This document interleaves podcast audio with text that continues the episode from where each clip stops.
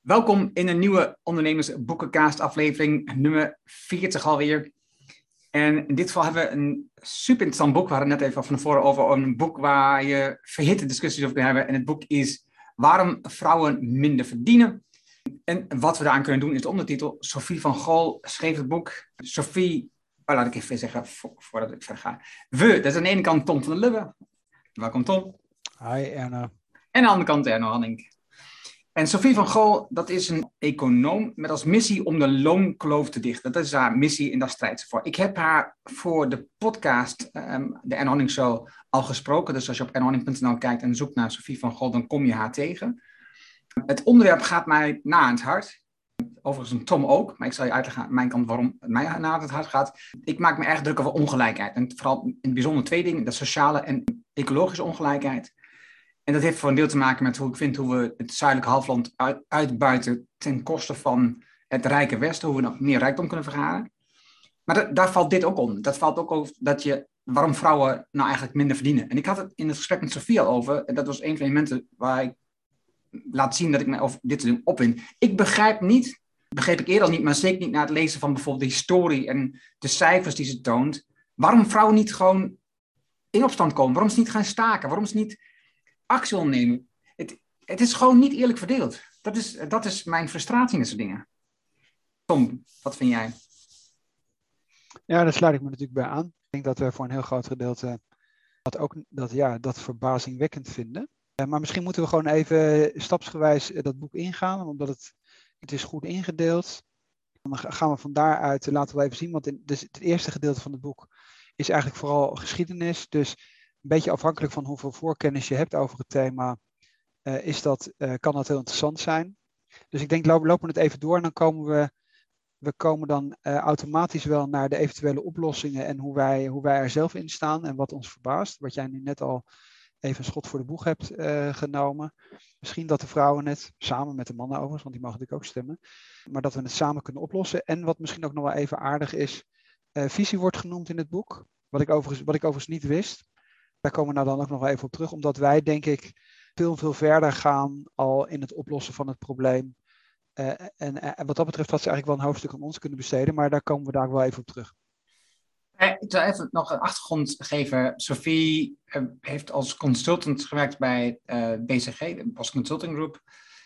En daarin ontdekte ze eigenlijk hoe het, hoe het haar hoe de integratie was van vrouwen, hoe de emancipatie zich heeft voortgeschreden. En, en dat kwam met name door allerlei seksistische grapjes. Ze ontdekte ook um, de loonkloof die aanwezig was, dat vrouwen gewoon minder verdienen. En dat ging ze steeds meer onderzoeken. Op een moment zat ze een beetje nou, in de knel in dat verhaal. En dat kun je ook horen in de podcast en het gesprek met haar. Um, is ze een studie gaan doen in Spanje. En daar werd tegen haar gezegd van... Um, je moet een bedrijf starten. Dus uh, je gaat gewoon een bedrijf starten. Nou, dus zij is een bedrijf gestart. Dus heeft een onderzoek verkocht aan een bedrijf in Spanje. Om daar onderzoek te doen naar de loonkloof in dat bedrijf, waarvan natuurlijk de meesten denken dat die er niet is. En dat heeft ze later doorgezet toen de studie is afgerond en in Nederland is bedrijf gestart. En dat kun je wel online vinden, een interview, dat ga ik niet vertellen. Maar in ieder geval, dat is eigenlijk de basis van het boek. Daar is het boek is eigenlijk ontstaan dat die onderzoekers steeds meer duidelijk maakten. Er is hier echt iets aan de hand waar we wat aan moeten doen. In ieder geval, waar ik ben wel van ingezet. Het boek bestaat uit vier delen. Je hebt een geschiedenis, je hebt dan de loonkloof, dus laten we een cijfers en zo zien wat het is. En dan gaat het over macht. Wat uiteindelijk, het hele boek gaat eigenlijk over macht in mijn optiek, maar goed. Een korte geschiedenis. Um, zij vertelt over, uh, nou, als je kijkt naar het verleden, de bijdrage van de vrouw uh, is enorm in de maatschappij. In, in wat we als maatschappij realiseren. Eigenlijk zit die ook in het BNP, alleen uh, niet financieel. Het is, hij levert ons welvaart en welzijn op, maar hij wordt financieel niet benoemd. Want de vrouw doet het meeste onbetaald. Dus dat is natuurlijk wat je niet wil. En ze vertelt ook bijvoorbeeld Adam Smith um, in staat was om zijn mannelijke beeld van de economie te geven, de homo economicus. Hij had zelf geen vrouw, geen kinderen. Wat hij niet had bedacht was dat hij wel moeder had die voor hem zorgde, die het eten klaarzette en die, dat hij gewoon daardoor 40 uur per dag, of was 60 uur per week kon werken aan zijn studie en, en zijn boeken allemaal. Het is, het is in principe heel vreemd en je ziet wel dat we in vrouwen zijn toegenomen in de arbeidsmarkt in de laatste 30 jaar, 40 jaar, maar vooral in deeltijd. ik niet dat de deeltijd is toegenomen, de vrouwen in deeltijd. Hè? Dus de vrouwen gaan in deeltijd werken. Vroeger was het zo, mijn moeder en mijn schoonmoeder hadden het nog gehad, allebei. Op het moment dat ze trouwden, moest je stoppen met werken. Dat was gewoon, dat was niet eens een, een, een wens, dat was gewoon, dat was verplicht. Zo, zo hoorde dat gewoon. En dat is gelukkig niet meer zo. Maar nu, als je kinderen krijgt, en je bent getrouwd en je krijgt kinderen, dan is het niet de vraag, blijf je werken? Nee, dan is de vraag, hoeveel minder ga je werken? Dat is een beetje de vraag die expliciet aan je gesteld wordt door jezelf, door de omgeving, door iedereen. Want we vinden dat we dus, ehm, als we werken, dat dat niet kan worden gecombineerd met het hebben van kinderen. In ieder geval niet fulltime. Dus wat ze bijvoorbeeld laat zien in onderzoek was dat vrouwen gaan wel meer werken, maar mannen gaan niet meer zorgen. dus, dus vrouwen gaan minder werken, krijgen minder geld, maar we compenseren dat niet door mannen meer te laten zorgen en ook minder laten werken. Ze noemen dan aan het einde van het hoofdstuk, om dan gelijk maar even die kort gezien af te sluiten, noemen ze drie oplossingen om die verdeling meer te, te ja, om die eerlijker te maken. Gratis goede kinderopvang. En dat werd ook genoemd in het boek van uh, Beugelsdijk, als ik nog herinner. Het ook over kinderopvang. En verlof voor vader of partner. Het is niet alleen dat je nadenkt over het verlof van, van de moeder, maar dat je ook nadenkt over het verlof van vader of partner, dat hij dat kan opnemen. En een basisinkomen of een soort zorgvergoeding, waarbij dus het waardevolle werk wat gedaan wordt door vrouwen, of door degene die in ieder geval de zorg op zich neemt, wordt gewaardeerd. dus, dus eh, het BNP is gewoon geen goed getal. Het is geen goed gegeven om te beoordelen hoe we ervoor staan als maatschappij. Dat laat alleen zien hoe het geld rond wordt gepompt. En niet of we ons werkelijk gelukkig voelen. En een basisinkomen of een soort zorgvergoeding zou dat bijvoorbeeld in ieder geval financieel inzichtelijker maken. En dan wordt dat ook, dan wordt ook meegerekend. En dat zou het dan een stuk eerlijker maken. Dat was um, in het kort deel 1. Ja, ik wil er nog wel wat aan toevoegen met betrekking tot die goede kinderopvang. Ik wist dat een beetje, ik zou dat willen aanvullen. Het interessante is dat die goede kinderopvang komt op een hele hoop gebieden terug. Voor, als, als oplossing voor verschillende problemen. Dus in het boek van Sjoerd uh, Beugelsdijk ging het vooral ook om polarisatie. En dus goede kinderopvang is als je integratie van buitenlanders voor elkaar wil krijgen, het allereerste wat je moet doen. Omdat taal en het beheersen van de taal in het land waar je, waar je opgroeit, absolute voorwaarde is om te integreren. En op niet op achterstand gezet te worden. Nou, begrijpt iedereen. Als jij, als jij Turkse ouders hebt en je spreekt thuis geen, geen Nederlands of geen goed Nederlands of nog geen goed Nederlands, en je komt dan met vier een keer op de kleuterschool aan, dan heb je al zo'n mensen achterstand. Dat is wel heel, dan moet je wel heel intelligent zijn en heel veel geluk hebben om dat weer in te lopen. En dat, dat kinderopvang is daarvoor de oplossing. Aanvullend nog dat stuk, want wat hij ook beschreef, Stuart, was het feit dat je dus als je, je krijgt al die mensen uit de maatschappij door elkaar. Hè? Dus je krijgt dat, dus ook de mensen die in, uit de goede gezinnen komen, als ik het even uh, mag omschrijven zo, uh, die krijgen ook te maken met andere mensen uit verschillende lagen van de bevolking. En, en, en, hebben veel meer een, realite- een, een, reëel beeld van de maatschappij. In plaats van een soort bubbel waar ze in leven. Dus, dat, dus het zorgt ervoor dat, die, dat al die werelden veel dichter bij elkaar. Niet alleen dat die kinderen van migranten, zoals hij dan zegt dat je dat moet noemen. Dat die betere taal gaan leren, dat die meer kunnen aanzetting krijgen. Nee, het is ook andersom. De mensen die alleen maar gewend zijn in een witte mannenomgeving te werken, die krijgen ook aanzetting met andere krachten, andere vormen, andere culturen. Ja, wederzijds begrip, wederzijds integratie. Dus goede kinderopvang, zin, het meest zinvolle als je integratie wilt bevorderen en problemen wilt vermijden. Dus dat was boek wat we vorige keer besproken hebben. Goede kinderopvang is ook, als van ouds, komt ook heel vaak terug, een oplossing voor het bevorderen van sociale mobiliteit. Dus ga even ervan uit, je hebt geen migranten, je hebt alleen maar klassieke Nederlandse kaaskoppen met een arbeidsmilieuachtergrond en een intellectuele bubbelachtergrond, is het nog steeds in die context heel goed dat kinderen zo vroeg mogelijk naar school gaan. Omdat hoe langer je ermee wacht en bijvoorbeeld ook hoe meer huiswerk je geeft, hoe meer kinderen uit een arbeidsmilieu op achterstand worden gezet.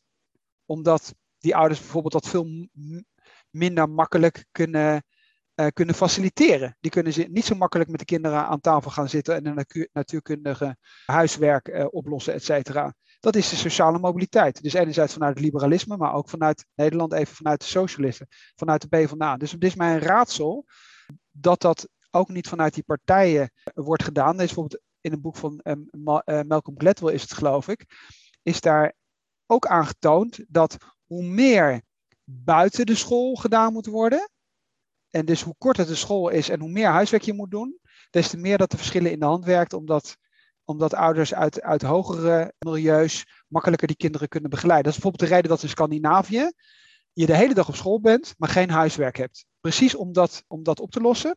En het vierde punt is dat, uh, dat weet men uit onderzoek uit Denemarken, ik weet niet of dat hierin genoemd werd in dat boek, dat de allerzwakste, dat zijn dus ouders die alleen hun kinderen moeten opvoeden omdat ze gescheiden zijn, dat zijn meestal vrouwen, die vallen heel snel onder de armoedsgrens omdat ze dan hoge opvangkosten hebben, uh, tegelijkertijd moeten werken. En iedereen die zelf als tweeoudergezin kinderen heeft, die weet al hoe blij je soms bent dat je ook nog een vrouw of een man hebt, of een partner hebt, die ook even de kinderen kan overnemen, omdat je op een gegeven moment echt even uh, klaar mee bent.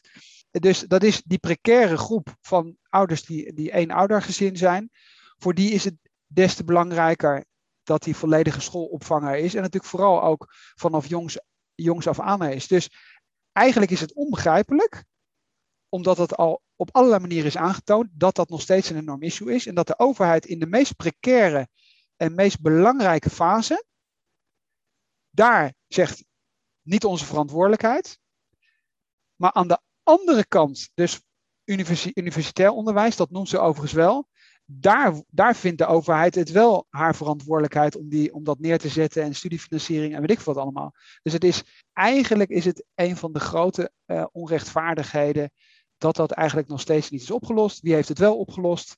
Scandinavische landen hebben het opgelost. Frankrijk heeft het opgelost. Zweden noemt ze als voorbeeld. Maar, wat ook heel grappig is, noemt ze bijvoorbeeld niet, de vroegere communistische landen hadden het ook allemaal opgelost. Dus de kinderopvang in de DDR, vanaf jongs af aan, was beter geregeld dan in de Bondsrepubliek. Het hele aspect komt helemaal niet aan de orde.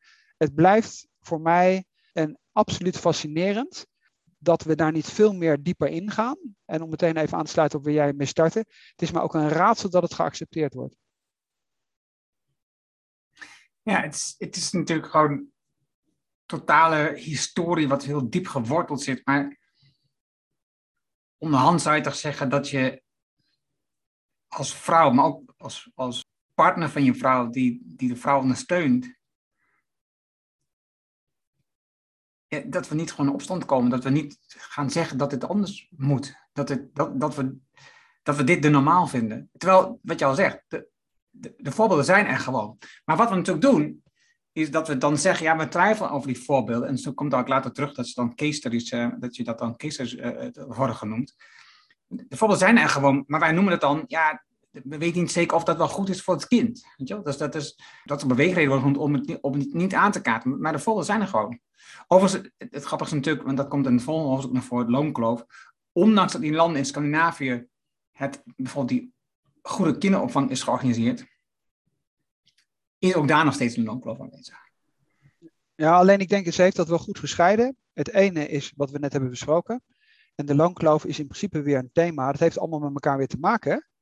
Omdat als je slechte kinderopvang hebt en de moeders die uh, gaan dan voor een groot gedeelte toch zelf voor hun kinderen zorgen, et cetera. Veel sterker overigens dan de mannen. Hè. De vrouwen die gaan deeltijd werken, niet de mannen. Ja, als ze deeltijd werken, werken ze altijd nog meer deeltijd dan de man. De man werkt, die is misschien één dag papa-dag. Vrouwen is dat bijvoorbeeld meer. Hè? Dat heet dan overigens niet mama-dag. Nee, die term, ik kot, ik kot er ook gewoon van. Het is echt, ik vind het zo, ik, vind het, ik, ik, ik word er ook echt boos van. Ik begrijp niet dat mensen die term durven gebruiken, dat ze een papa-dag hebben. Het is, je, bent gewoon, je bent gewoon elke dag van de week altijd papa. Wat, hoezo dag? Ja, goed. Maar dat, dat zegt in principe ook wel goed dat in de taal en zo de framing, dat we ons dat vaak helemaal niet realiseren. Maar zij kijkt dus vooral naar het verleden en legt uit waar we vandaan komen. En dat het eigenlijk nog helemaal niet zo lang geleden is dat onze moeders, en hè, ik zou zeggen, ik ben jaargang 68, dus ik weet het ook van mijn moeder, dat op het moment dat ze trouwde, dat ze in principe op kon houden met werken, et cetera. En dat ze, zij beschrijft het ook allemaal goed, dat ze vrouwen niet eens een bankrekening konden, konden openen, et cetera. Dus wat dat betreft, dat idee dat we zo geëmancipeerd zijn, ten eerste zijn we het niet en ten tweede zijn we het nog niet zo lang. Dat is in principe de conclusie van dat eerste hoofdstuk. En dan gaat ze naar die loonkloof, wat, wat in principe wel met elkaar te maken heeft, maar eigenlijk, eigenlijk weer een gescheiden thema is, waar we dan even kunnen induiken. En, dan zijn we in principe bij het tweede grote vraagteken. Waarom wordt ongelijke betaling voor hetzelfde werk, want dat is in principe waar het over gaat in eerste instantie. Waarom wordt het überhaupt geaccepteerd? Het, het, het absurde is natuurlijk dat het bij wet verboden is zelfs. Bij wet is het verboden dat mensen die dezelfde arbeid verrichten niet dezelfde betaling krijgen. Maar het wordt niet gehandhaafd. Het wordt niet nageleefd. Het wordt niet uitgezet. Ik, ze noemt een paar rechtszaken van een vrouw die uh, in uh, de BBC, voor mij was het bij, bij een omroep in Engeland werkt. En die, die, die, dame die krijgt 500 uh, pond of euro, niet meer, per aflevering. En de mannelijke collega die krijgt 3000 per aflevering. Het, ze doen exact hetzelfde werk. En het grappige is dan, weet je, ze gaat naar de rechter en ze krijgt gewoon gelijk en ze krijgt gewoon het geld betaald. En de loonkloof, wat ze laat zien, is dat, nou ja, hoe het ook bent of keert, de vrouw krijgt gewoon minder betaald. In Nederland, tussen coaches, valt dat dan mee. Het schijnt op zo'n 15%, 40% uit te komen. In India is het bijvoorbeeld veel erger. In Scandinavië is het minder. Bij de overheid is het, is het minder. Bij bedrijfsleven is het meer. Het is, um, maar, maar, wat er gebeurt, is, er is natuurlijk zoveel data bekend over wat mensen verdienen en al die verschillende functies, is dat mensen kneden die data net zo lang dat het leidt alsof er eigenlijk geen verschil is. Want vrouwen werken minder, dus daarom verdienen ze minder. BS, allemaal BS, dat is, daar ligt het niet aan. Een van de meest opvallende stukjes van dit hoofdstuk vond ik, en ik heb me ook echt enorm op verbaasd, is de wet van Sulerot. Suro, ik weet niet, wat het is een, het is een Franse geloof ik hè. En, en het gaat over vrouwenberoepen betalen slechter. Dus op het moment dat er veel vrouwen in een bepaald beroep komen te werken, gaat de betaling van dat beroep naar beneden. De waardering van dat beroep gaat gewoon naar beneden. We kennen alle voorbeelden, um, onderwijzers, artsen, uh, rechters, uh, in de zorg. Op al die vlakken waar veel vrouwen werken, is de betaling een stuk lager op dezelfde vakken waar veel mannen werken. En ze noemt dan een grappig voorbeeld. Ik vond, ik vond hem grappig. Het, is vrouwen, het programmeerwerk werd vroeger als een vrouwelijke taak gezien. Dan gaan we naar de jaren 50 ongeveer terug. Want dat was een soort administratieve taak. Ja. dus als je kijkt naar de berekeningen die werden gemaakt van de raket die naar de maan ging, dat waren vooral nog zwarte Amerikaanse vrouwen. Maar die werden totaal niet gewaardeerd voor hun werk. Het waren gewoon vrouwenberoepen. Totdat iemand bedacht, ja, laten we eens een functieprofiel maken voor dat beroep. Want het wordt nu echt populair. Het wordt een echt, een, echt een, een, belangrijk vak. Het wordt nu echt een waardevol beroep. Het heeft echt impact op onze maatschappij. Laten we eens een, goede functieomschrijving bedenken. En daarin kwam een soort ja, een man die in een hokje leeft, het totaal uh, niet sociaal is en met niemand anders contact heeft, alleen maar met zijn computer bezig is. En het werd dus eigenlijk vanaf dat moment zo langzaamaan steeds maar zien, oké, het is echt een mannenberoep. Uh, vrouwen horen hier niet thuis. Het is ook verschrikkelijk om in de beroep te werken. En wat gebeurde? De lonen stegen gigantisch. Nou, zou je nog kunnen denken, dat zou je nog kunnen denken, dit heeft met marktwerking te maken. de vraag naar programmeurs die, werd steeds groter, dus er is een marktwerking, daardoor wordt het bedrag hoger. Opnieuw BS, want kijk naar onze zorg, kijk naar het onderwijs, er is een enorm tekort, maar de lonen gaan echt niet omhoog. Sterker nog, er wordt gevochten voor elke euro en, en ze krijgen het niet. Is ongelooflijk. We hebben gezien met corona hoe essentieel die beroepen zijn voor ons bestaan, voor ons overleven, maar ze krijgen gewoon niet naar betaald. En ook minder waardering. Je ziet, hè, dus toen meer vrouwen gingen werken als in, in bijvoorbeeld onderwijs, zag je de waardering voor de onderwijzer, die ging gewoon naar beneden. Nu gaan meer vrouwen als rechters werken, reken erop, de waardering voor de rechter gaat naar beneden. Nou, in, het laatste, in het laatste deel van dat, uh, het laatste hoofdstuk van het deel heeft het nog over zwangerschapsdiscriminatie. Dat is denk ik ook een belangrijk punt, namelijk wat ze noemt, is dat je eh, als vrouw, veel vrouwen hebben natuurlijk een mannelijke manager. En, um, want zo zit de wereld in elkaar op dit moment. En een man die gaat dan toch ergens pap niet verwachtingen of dingen, daar zelfs over vragen wat niet eens mag. Of de vrouw nog een pap met kinderen ga, gaat verwachten of, gaat, of wil hebben of gaat krijgen. Want als dat er zo is, dan moet hij daar volgens de man zelf dan rekening mee houden. Want het heeft namelijk effect op de carrière van die vrouw en de ontwikkeling van die vrouw. Wat natuurlijk gewoon onzin is, maar dat is wel hoe het geframed wordt. En dus als je al aangeeft dat je kinderen wil, dan kan je rekenen dat je carrière daar gewoon, eh, gewoon een gigantische deuk op loopt op dat moment. En uh, als je dan minder gaat werken, dat is allemaal fantastisch. Je denkt, ik ga minder werken.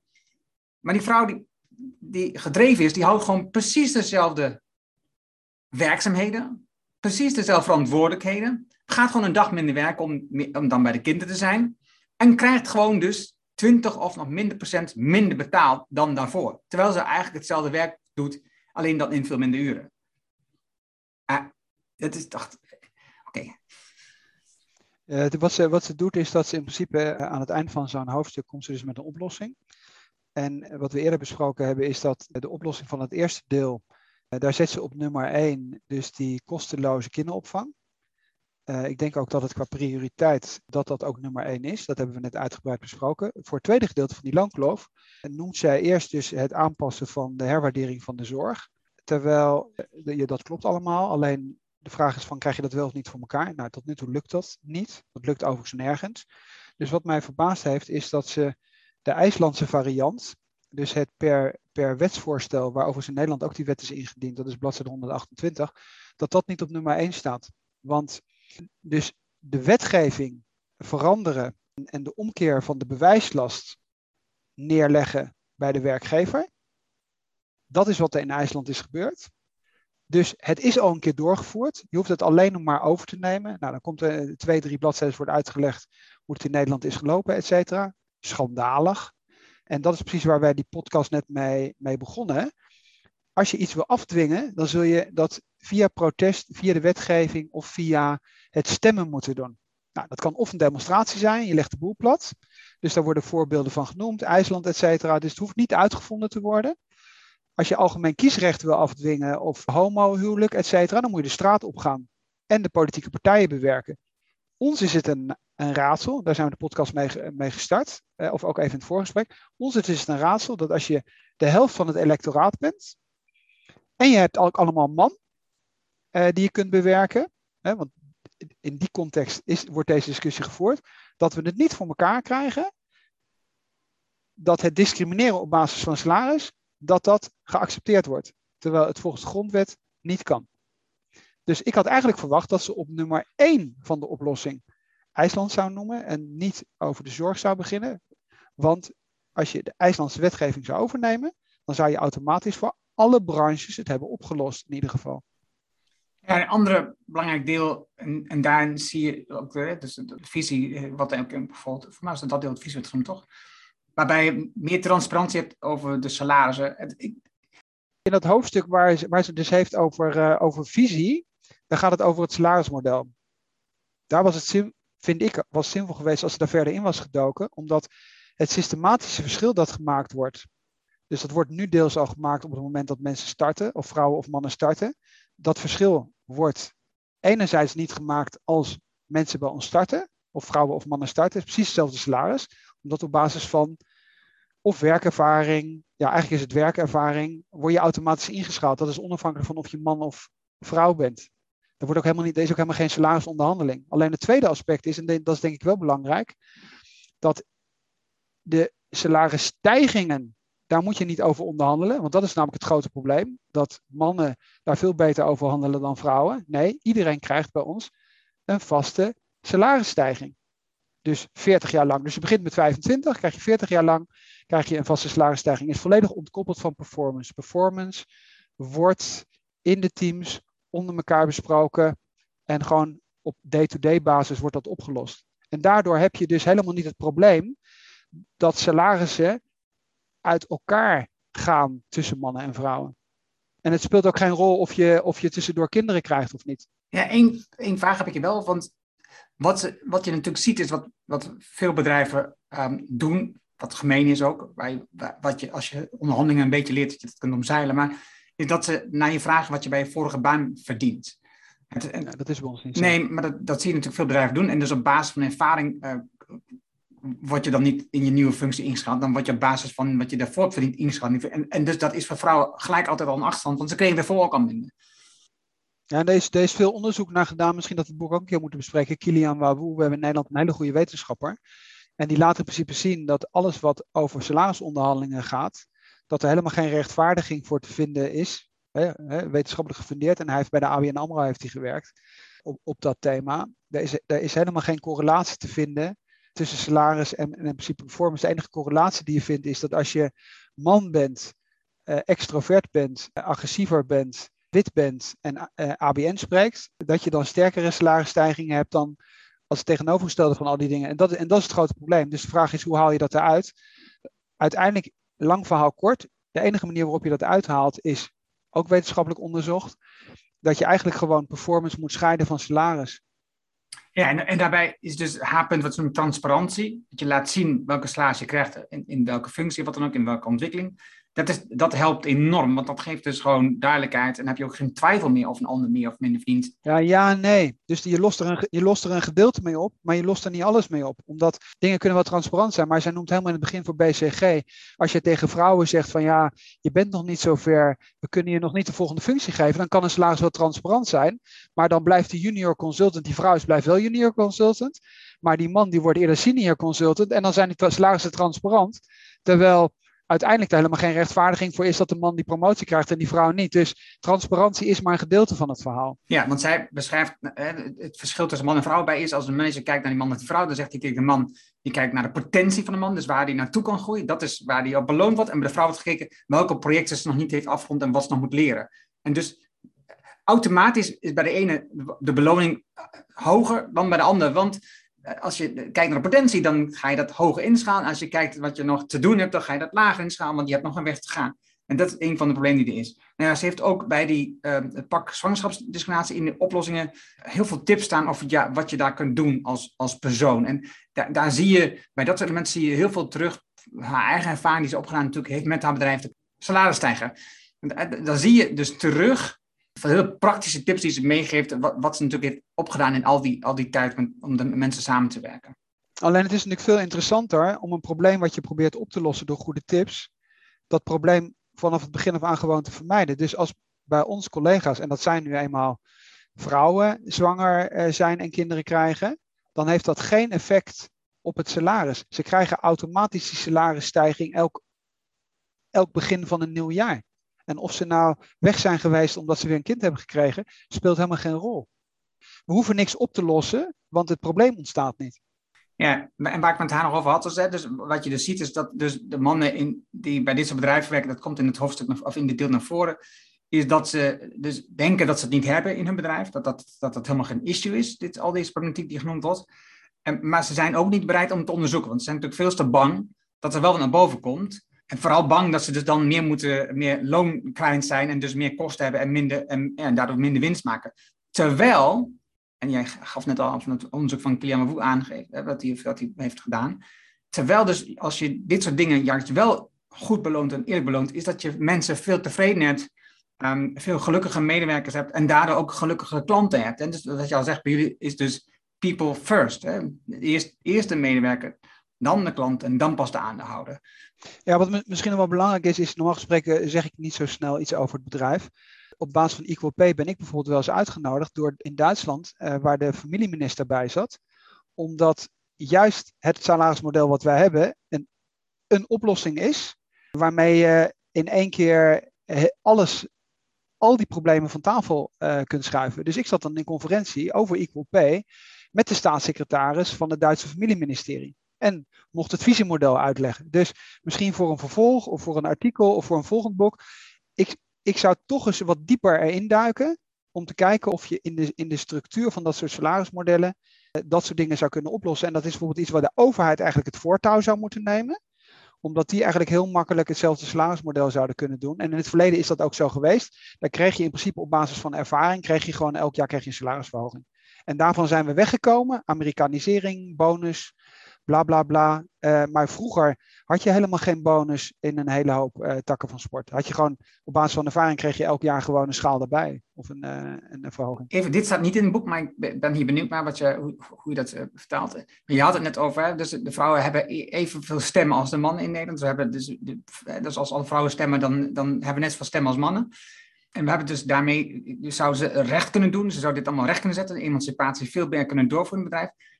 Maar als je kijkt naar de hoeveelheid vrouwen in de partijen, daar, zit toch dezelfde problematiek in. waarom worden er niet meer vrouwen verkozen tot op verkiesbare plekken? Waarom zitten er niet meer vrouwen eh, op, op topposities in onze partij in Nederland? Wat je in andere landen al wel meer ziet gebeuren, denk ik dan. Ja, goed, dat is, natuurlijk, dat, is, een thema wat ze ook behandelt. Alleen, ja, ik, ik zou me dus in eerste instantie gewoon focussen op uh, dat voorbeeld IJsland, waar dat wel gelukt is. En waar je dan gewoon zegt van, als, als bijvoorbeeld in Nederland alle vrouwen, want dat, dat voorbeeld wordt besproken. En ik denk dat het wel zinvol is om dat nog even te noemen. Eens even kijken op welke bladzijde dat is. Ik geloof dat het op bladzijde, ik weet het niet, uh, IJsland 128 bijvoorbeeld. Maar ze beschrijft ergens relatief uitgebreid dat in IJsland de vrouwen, ik geloof een week, gestaakt hebben. En dat het dus een enorme puinhoop werd, omdat dat hele leven tot stilstand kwam. Dus van kranten die deels uh, te weinig re redactionele uh, content hadden. Dus dat beschrijft ze heel uitvoerig. Eigenlijk is het verbazingwekkend dat, ik zou zeggen, als we dat IJslandse, voor, IJslandse voorbeeld nou niet zouden hebben gehad. En we hadden gezegd, ja nee, dat kun je via een staking afdwingen, dan zou het een theoretische oefening zijn geweest. Maar dat is het niet, omdat in IJsland men heeft laten zien dat je in één week eigenlijk dat hele thema kunt oplossen. Dus ik zou zeggen, beste vrouwen, als jullie er heel erg van balen dat jullie minder verdienen, niet ver behandeld worden, en dan kunnen we naar de hand over, over verplichte quota, et cetera, uh, spreken. Als jullie dat snel willen oplossen, lees dat hoofdstukje over IJsland. Leg samen uh, het werk ook neer voor een week. En dan heb je met grote waarschijnlijkheid heb je het thema op dezelfde manier opgelost. Het, uh, je vindt het op bladzijde, vanaf bladzijde 37 in het boek. Daar, vanaf dat moment gaat het. het is in het hoofdstuk De Lange Vrijdag. En ze beschrijft dat namelijk, ze besteedt daar best wel veel aandacht aan. Klopt, klopt. We gaan naar het, uh, mij natuurlijk ook belangrijk deel, formele en informele macht. Want uiteindelijk draait het natuurlijk gewoon om macht. Het is, mannen zitten op de posities waar ze de macht hebben, altijd al hebben gehad. Um, of nou gaat over de kerk, de politiek of op school, uh, maakt dan niet uit. Mannen zijn al, zitten allemaal in de macht. En omdat er zoveel mannen zitten, is het ook fijn om daar mannen te houden.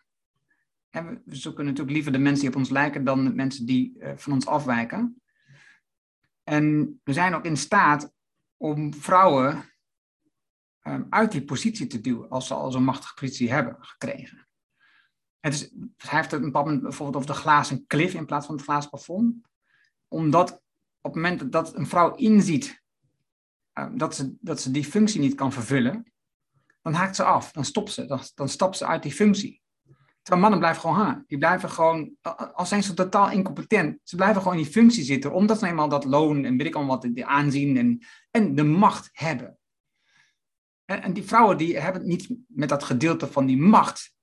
En als vrouwen zich wel gaan gedragen als leider, nou, dan is de wereld te klein, want dan vinden we het allemaal afschuwelijk en hebben we daar allerlei termen voor. Ik ga het niet herhalen hier, maar daar hebben we allemaal termen voor als we dat dan wel vinden.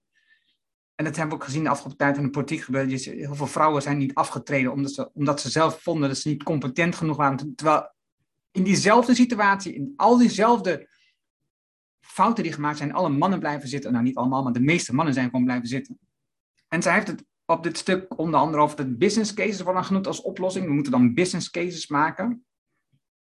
Dat, zijn, dat, dat is gewoon totaal ons. Dat is helemaal niet een oplossing. Dat is gewoon uitstel. Dat is gewoon doen alsof je iets gaan doen, maar het gebeurt gewoon in werkelijkheid helemaal niks. Net als de vrouwenquota, er is een vrouwenquota ingesteld, daar mannen dus nu hard om roepen.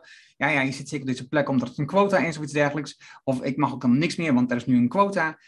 Er is alleen een verplichte vrouwenquota bij de Raad van Commissarissen bij beursgenoteerde bedrijven. Oftewel, als je kijkt, en nog een bepaalde grootte. Dat zijn 94 bedrijven in Nederland. En houdt het op. Dat is, dat, dat is het. Dat, meer is het niet. Het is gewoon absurd. Het feit dat het nodig is, misschien. Dan kun je zeggen: oké, waarom is het in nodig dat er een vrouwenquota wordt afgedwongen? Maar het feit is dat de mannen zich dan aangesproken voelen door een vrouwenquota. Wat maar van 94 bedrijven van toepassing. Laat het, laat, laat de 100 zijn. Van heel Nederland. Dat is toch echt ongelooflijk.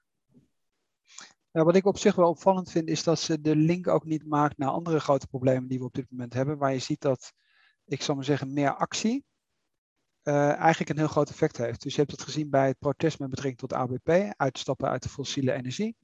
Je hebt het gezien bij Agenda, et cetera, dus waar burgers naar de rechter stappen en, en dat afdwingen. Uh, waarom kiezen we die weg niet? Dus je kunt boeken volschrijven met allerlei, om al die symptomen te beschrijven. Dat kan. Alleen je wilt in de kern wil je de dingen oplossen. Dus je wilt, en dat wil je bij klimaat, dat wil je bij uh, integratie, uh, polarisatie, waar we in het begin over hebben gehad. Je wilt die, Je wilt dat de problemen aangepakt worden en dat het meest simpele en duidelijke oplossing voor een hele hoop problemen, gaan we even terug naar kinderopvang uh, zo vroeg mogelijk gratis. Dat is zo duidelijk en zo simpel dat je je beter daarop kunt focusseren dan dat je enorme praatgroepen organiseert over, ik noem maar wat, vragen die gesteld worden. Ik, ik ken dat eerlijk gezegd helemaal niet, omdat het politiek ook eigenlijk al lang afgesloten is. Ik ken de situatie helemaal niet dat mensen gevraagd wordt of ze wellicht kinderen willen hebben of nog meer kinderen willen hebben. Ik, ik ken dat persoonlijk niet. Uh, alleen ik zou zeggen, weet je wat, laten we nou naar de kern gaan en de problemen oplossen. Uh, en daar ons op focussen. Want blijkbaar zet dat echt zoden aan de dijk. En dat geldt bijvoorbeeld voor de zorg ook. Je kunt daar nog jarenlang over, over praten. De enige echte oplossing is als men zich realiseert dat, misschien corona even een slechte tijdstip, want er liggen mensen op die IC. Ja, maar misschien, misschien het perfecte tijdstip. Als die cruciale beroepen, dat is dat boekje waarom vuilnismannen meer verdienen dan bankiers van Brechtman, misschien moeten we het toch nog maar een keer bespreken. Op het moment dat de vuilnismannen het staken in New York, na vier weken breekt de pleuris uit, dan krijg je altijd ongedierte, dan wordt het, dan wordt het opgelost. De bankiers, hè, mijn sector, die kunnen staken. Ander voorbeeld in Ierland, dan gaan de mensen naar de pub en geven elkaar wederzijds uh, krediet of lening. Dus gebruik de macht die je hebt om cruciale stappen te zetten naar een betere samenleving. In plaats van dat je symptoombeschrijven aan het beschrijven bent. Eh, in dit hoofdstuk noemen ze ook weer een aantal oplossingen met een aantal valken. En waar het om draait is, je wil met inclusieve organisaties. Het is niet, per se diversiteit, maar wel vooral inclusief. Nou, daar heeft ze een aantal dingen opgeschreven. Dan in het laatste deel gaat het over hoe nu verder. Eerlijk gezegd had ik met dat deel niet zo heel veel. Ze noemt daar een aantal typetjes als, als mens, waar, wat je een soort hulpmiddel kunt gebruiken, hoe je met die verschillende mensen omgaat. Nou, ik begrijp wel wat ze doet. Dan krijgt uh, Sheryl Sandberg uh, Lean In, krijgt er terecht, want ik ben het wat dat betreft volledig met haar eens, dat hele, die hele Lean In beweging. Alleen, ja, geldt in principe toch weer een beetje hetzelfde. Je hebt dus al die verschillende categorieën die ze bespreekt. Dus van sterk afwijzend en ontkennen tot de laatste categorie is eigenlijk de enige waar je wat aan hebt. Dat is de feminist. Alleen, ja, de vraag is of die individuele feminist dat dan in zo'n organisatie kan oplossen. Nou, een retorische vraag. Nee, dat kan die ook niet. Dus je zult toch tot een soort collectieve actie moeten overgaan. Zoals net zo als alle andere problemen ook niet door de medewerker bij Shell die het met je eens uh, is, dat die duurzame transitie moet plaatsvinden, die gaat het ook niet oplossen. Dus dat wordt alleen maar door of overheid die het oplost, of burgerprotest. Of indirect het kiezen van partijen die zeggen als wij nu gekozen worden, dan gaan we dat veranderen. Invoeren een algemeen kiesrecht of wat dan ook. Dat is uiteindelijk de enige oplossing. En de rest is, ja, dan duurt het waarschijnlijk nog twintig jaar. Ja, het gaat over 60 jaar. Als we zo doorgaan, dan is er 60 jaar nodig om dit te organiseren. Het is interessant, het is interessant uh, dat ze bijvoorbeeld dan zegt bij de feminist. Misschien is dat ook op zich wel eigenlijk de conclusie. Ze zegt bij de feminist, je herkent hem aan de uitspraken: Don't fix the women, fix the system. Dus dat zeg ik ook. Dus alleen ik zou zeggen: Don't fix, don't fix the women is het ene. Maar natuurlijk kun je het hebben over zeer ingesleten patronen, dat masculien gedrag anders is dan feminien gedrag. En dat feminien leiderschap veel beter is dan masculien leiderschap. Refereert ze ook even aan. Alleen fix the system. We hebben, bij het kiesrecht hebben we allemaal dezelfde stem. Het is niet zo dat mannen meer stemmen hebben dan vrouwen. Nee, exact hetzelfde. Dus fix the system. Alleen demonstreer dan of staak dan om hè, om het systeem te fixen. Daarmee sluiten we af. De kern van dit boek raakt ons allebei. Ik denk overigens dat het iedereen raakt. Hè? Het, zit, er zijn weinig mannen die niet een vrouw om zich heen hebben. Anders is het je moeder, als ik naar Adam Smith kijk. Maar uh, misschien heb je een dochter. Misschien heb je een vrouw. Het is toch vreemd dat dat zij niet op dezelfde manier beloond worden als jij, als je een witte man bent. Het is toch vreemd dat minderheden niet op dezelfde manier beloond worden als jij en ik, als we een witte, witte man zijn. Het is niet toegestaan, Maar het is ook gewoon heel eigenaardig. Dat het boek eh, en de oplossing die ze aanreikt misschien nog veel verder kunnen gaan, nog veel drastischer kunnen zijn.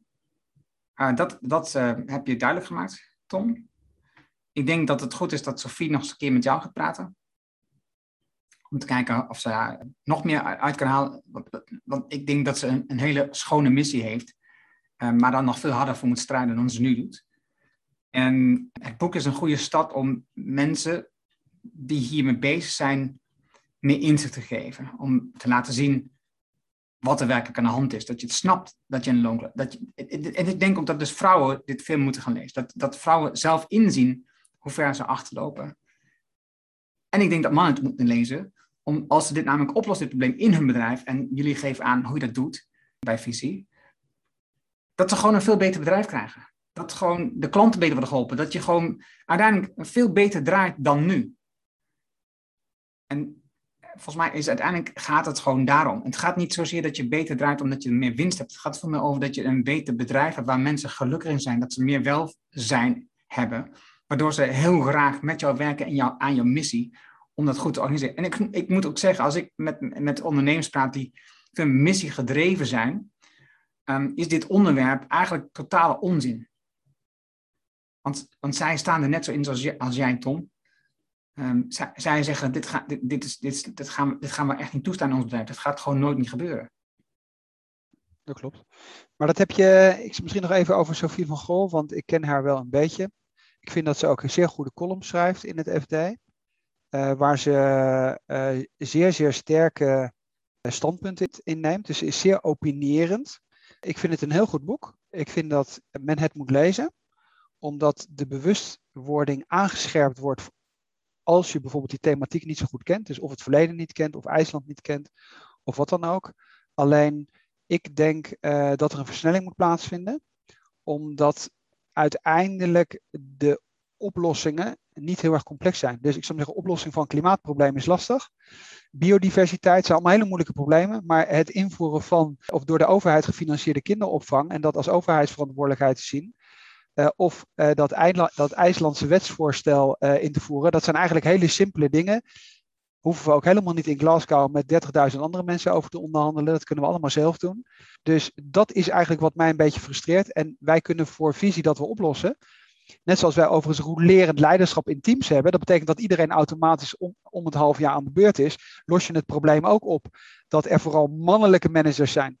Alleen bij Visie werken 60 mensen. Dat is allemaal hartstikke leuk. Alleen daarmee veranderen we in principe de loonkloof en het gebrek aan emancipatie in Nederland niet. Ja, wat ik natuurlijk wil, is dat we met dit soort um, afleveringen, ook met mijn eigen podcast, met het gesprek met mensen, um, dit wel wil verspreiden. Dat niet, eh, dus dat je de voorbeelden, zoals bij Visie, maar zoals ook bij Dogwalls en zoals bij Jumeco, um, dat je laat zien dat het ook anders kan en waarom het anders moet dat is waar ik een bijdrage in te leven heb. Dus daarom, daarom doe ik dit. Super, dankjewel voor het luisteren. Als jij een boek weet waarvan je zegt, nou dat moet je ook een keer lezen. Dat is ook belangrijk. Dat is ook belangrijk voor de wereld. Dat is ook belangrijk voor ondernemers, belangrijk voor bedrijven. Laat het ons weten door een berichtje te achterlaten onder onze video of audio, wat je ook maar luistert aan deze podcast. Of stuur ons een berichtje op LinkedIn bijvoorbeeld. Daar uh, kijken we altijd graag naar. En dan wens ik je voor nu een fijne dag verder en graag tot de volgende. Dankjewel, Anna.